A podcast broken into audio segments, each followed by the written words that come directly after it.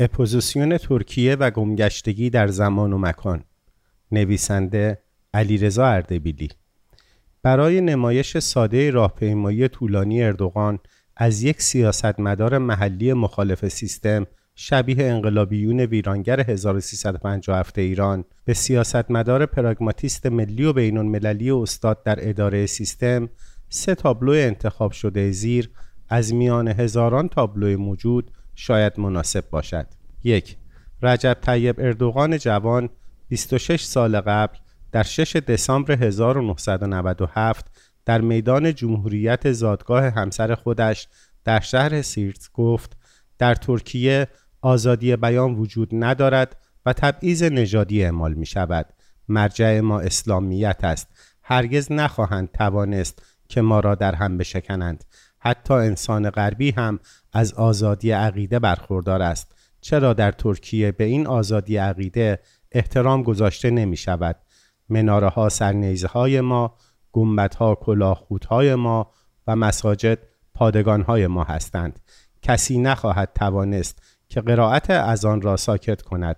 به تبعیض نژادی در ترکیه با قطعیت پایان خواهیم داد. این همان سخنانی است که بعدا حکم مجازات ده ماه زندان را برای اردوغان موجب شد دو اردوغان در حادثه دیگری در ماه مه 2013 بدون آنکه سراحت دهد در لفافه از آتاتورک و اسمت اینونو با لفظ دو عیاش یاد کرد 3. در حادثه سوم در سخنرانی به مناسبت مهمترین موفقیت تاریخ سیاسی خیش در 28 ماه مه 2023 در کاخ ریاست جمهوری در بشتپه نمای کاخ پشت سر خودش را به عکس آتاتورک و کلاه کالپاک تزئین کرده بود. توجه به این سه حادثه انتخاب شده از سه دهه زندگی سیاسی رجب طیب اردوغان، توانایی شناخت سیستم، توانایی شناسایی خطوط قرمز سیستم و استعداد انتباق خود با هر آن چیزی است که توان تغییرش را ندارد. مهار نظامیان، ندادن فرصت به رقبا، بسیج یک اکثریت در یک بلوک شکست ناپذیر قدرت و انجام همه این کارها در چارچوب قوانین بازی چون خط سرخی همه مراحل کارنامه سیاسی اردوغان را به هم وصل می کند. پراگماتیست بودن اردوغان و سازشکاری وی برای حفظ تعادل کشتی سیاست و اقتصاد ترکیه نقش مهمی بازی کرده است. کلا اگر دیدن اشتباه یک حسن برای سیاست مدار است اعتراف به موقع و قبل از ازل بدان فضیلتی است و اقدام به اصلاح اشتباه تا زمانی که فرصت باقی است فضیلتی دیگر. موارد متعدد این انعطاف و درایت را می توان در پایان دادن به تنش با روسیه بعد از ساقط کردن هواپیمای جنگی روسیه در بازگردانیدن سیاست خارجی به مسیر قبلی در ارتباط با کشورهای منطقه تغییر در نگاه اقتصادی معیوب قبلی شخص اردوغان و نصب کابینه بروکرات و کاردان بعد از پیروزی در انتخابات ماه 2023 دید.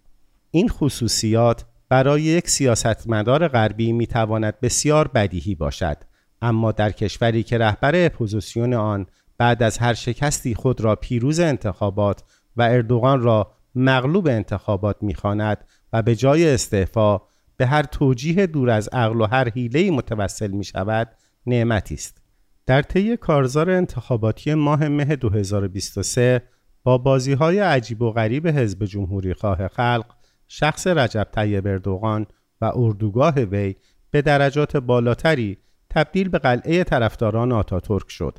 همانطور که جونی توزدمیر در یکی از برنامه های روزانه خود ظهور عکس آتاتورک در پشت سر قلیشدار اغلو بلا فاصله بعد از دور اول انتخابات را با تنه تفسیر کرد.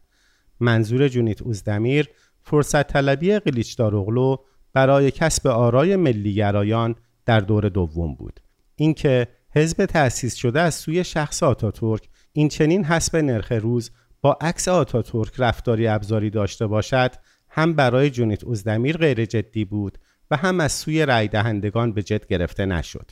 جونیت اوزدمیر گفت توجه کنید که چگونه وقتی آرای ملیگرایی بالا رفت آتاتورک وارد کادر عکس قلیچدار شد آنچه مهم است فاصله گرفتن قبلی مسلحت اندیشانه حزب جمهوری خواه از عکس آتاتورک است حتی نوشیروان الچی سخنگوی کمال قلیچداروغلو در مصاحبه کانال تلویزیونی نزدیک به هدپه پرچم ملی ترکیه را از صحنه حذف کرده بود. حزب جمهوری خواه به خوردن نان از نام آتاتورک معروف است و به حد افراط از اعتبار این نام استفاده کرده است. نمونه توسل افراطی به این نام را از انتخابات 1999 سراغ داریم که دنیز بایکال بدون استفاده از تصویر خود و تنها با تصویر آتاتورک کارزار انتخاباتی خودش را پیش برد. نتیجه آن توسل به نام آتاتورک برای این حزب شکست سنگین و عدم ورود به مجلس ملی به خاطر نرسیدن به حد نصاب ده درصدی بود. حرکت پاندولی شدید ما بین توسل 100 درصد به عکس آتاتورک و حذف پرچم ملی کشور از جای همیشگی آن در دفتر حزب جمهوری خواه نمی‌تواند از دید رأی دهندگان نادیده بماند. کنار هم نهادن نتیجه انتخابات سال 1999 و انتخابات امثال هم نشان دهنده نتیجه تلخ این گونه بازی با احساسات رای دهندگان در غرب و جنوب شرق کشور است. هر تازه واردی باید قواعد بازی را که وارد آن شده است یاد بگیرد. برای نجم الدین اربکان و شاگردان وی این پروسه یادگیری از طریق خطا و آزمون و کارآموزی بیش از نیم قرن زمان برده است. این زمان طولانی شامل تشکیل احزاب سیاسی، پیروزی و شکست در انتخابات ملی و کشوری، بسته شدن این احزاب، کارآموزی از طریق شرکت در اداره شهرداری ها، یادگیری رتوریک سیاسی در میدان داخلی ترکیه و در رابطه با جهان غرب و اروپای شرقی بوده است. راهی که نجم الدین اربکان گشود و در ادامه یک سلسله طولانی از آزمون و خطا به تشکیل حزب عدالت و توسعه منجر شد. هدف این حزب تصرف سیستمی جا افتاده بدون توسل به انقلاب و با یادگیری نحوه کارکرد سیستم بود. در مطالعه تاریخ این راه طی شده از زمان صدور مانیفست ملی گروش در سال 1969 تا به امروز می توان تک تک موارد آزمون و خطا و اصلاح را شناسایی کرد. هم مخالفت اربکان و شاگردانش با امپریالیسم، غرب، اسرائیل، آتاتورک و لایسیته در تک تک موارد مصداق آن در تاریخ ترکیه مستند شده است و هم مراحل طولانی اصلاح این مواضع افراطی تا رسیدن به درجه استادی در اداره سیستم و تبدیل شدن به ضامن ثبات کشور و قلعه دفاع از آتاتورک و ارزش‌های جمهوریت. گذار از امت‌گرایی اسلامی به همدلی با یادگارهای امپراتوری عثمانی و گذار بعدی به دنیای مشترک ترکی و تبدیل کردن ترکیه از دولتی متزلزل در داخل به قدرتی موثر در مقیاس منطقه و جهان یک پروسه دشوار و مملو از خطا و تجربه بود. جالب است که ناتوانی حزب آتاتورک از شکست دادن اردوغان این حزب را به رفتاری حساب نشده با مهمترین سرمایه این حزب یعنی یاد بنیانگذار خود و ارزشهای جمهوریت کرده است که به چند نمونه آن در فوق اشاره شد. امروز سال هاست که از دوران مظلومیت محافظه‌کاران تحقیر شده قبلی در ترکیه سپری شده است. این طبقه تازه به دوران رسیده دیری است که خم و چم سیاست و دیپلماسی را یاد گرفته و امروز به رهبری استاد مسلم بازی سیاست چون تیمی شکست ناپذیر با یک کابینه کاملا جدید در قدرت هستند تحقیر شدگان دیروز امروز خود را پشت سکان رهبری کشور مطمئن و برخوردار از اعتماد به نفس بالایی احساس می کنند. استقرار طولانی در اداره دستگاه قدرت دولتی فساد مالی و اداری را وارد این دستگاه کرده است. لیستی از خطاهای مسلم حزب عدالت و توسعه به رهبری رجب طیب اردوغان به شرح زیر است. یک بازی با امنیت اقتصادی کشور، شرکت‌ها و شهروندان از طریق حذف استقلال بانک ملی و توسل به تئوری های مندرآوردی اقتصادی که منجر به کسری شدید موازنه تجارت خارجی، کسری کلان بودجه و فروش بی سابقه ذخیره طلا و ذخیره ارزی کشور شد. دو نابودی استقلال قوه قضاییه 3. نقض استقلال دانشگاه ها و مراکز علمی 4. نوسانات مزر در سیاست خارجی از قبیل درگیری با کشورهای غربی و اسرائیل 5. ناتوانی در تداوم رشد اقتصادی به خصوص سقوط اقتصادی کشور در فاصله 2013 تا 2020 6. پایان دادن به تعامل با غرب و مذاکرات عضویت در اتحادیه اروپا. موضوع این مقاله آن است که با این همه خطا چرا حزب تأسیس شده از سوی شخص مصطفی کمال آتاتورک ناتوان از ارائه یک پروژه نجات کشور و معرفی یک تیم لایق و مستعد عملی کردن این پروژه است؟ مهمترین ویژگی اپوزیسیون ترکیه گمگشتگی در زمان و مکان است. گویی نه از ترکیه دهه 1980 و 1990 خبر دارد و نه از کشوری به نام ترکیه.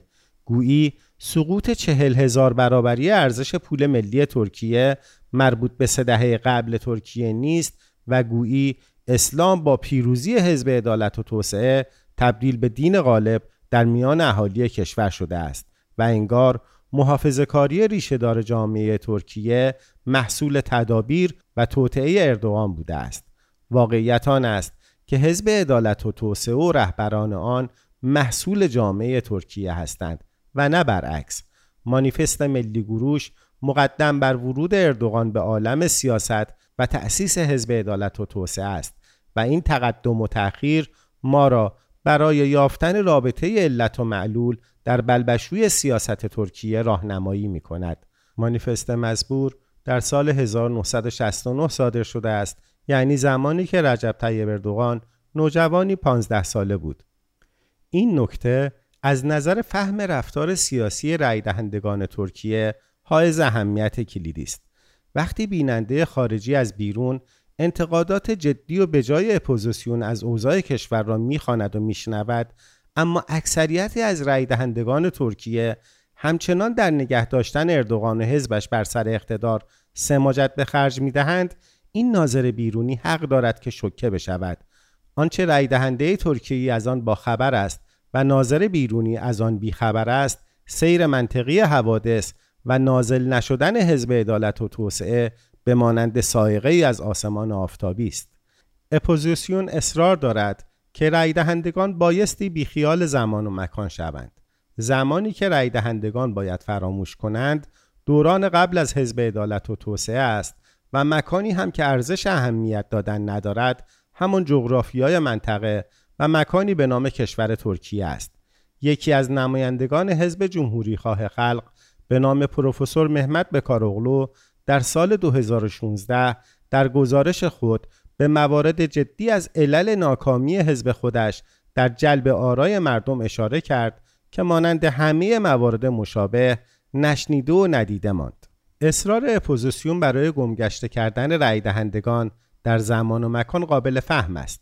در اصل اگر زمان و مکان را از معادله حذف کنیم اپوزیسیون باید به راحتی حمایت نزدیک به 100 درصد جامعه را کسب کند اما اگر عنایتی به زمان و مکان داشته باشیم و به یاد بیاوریم که در دوران تصدی هفت ماهه وزارت کشور ترکیه از سوی خانم آکشنر جنایت های سیاسی موسوم به فاعل مجهول مشابه قتل های زنجیره ایران اما طبق یک آمار با 1964 قربانی و تداوم ده ساله کمتر نشده است و حتی افزایش یافته است. این قیاس را می توان به همه عرصه ها تسری داد مثلا اگر افت ارزش پول ملی را مد نظر قرار دهیم دو نیم برابر شدن نرخ دلار در سه سال اخیر اصولا باید هر پادشاه قدر قدرتی را از تخت قدرت به زیر می کشید.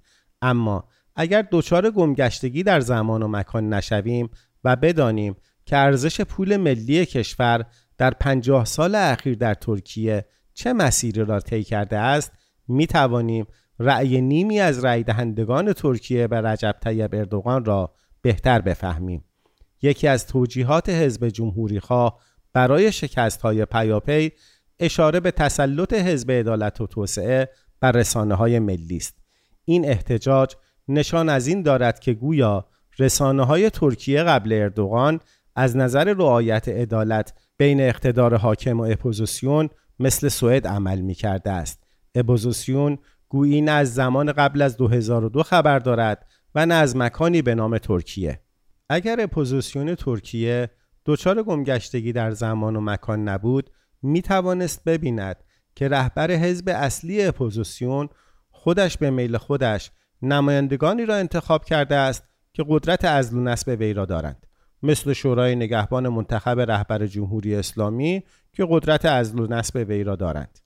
همین اپوزیسیون وقت و بی وقت خواهان استعفای اردوغان می شود در اصل فهم این نکته که ورود به انتخاب برای یک رئیس جمهور در قدرت یعنی استعفا و به انتخاب گذاشتن پست خود در انتخابات.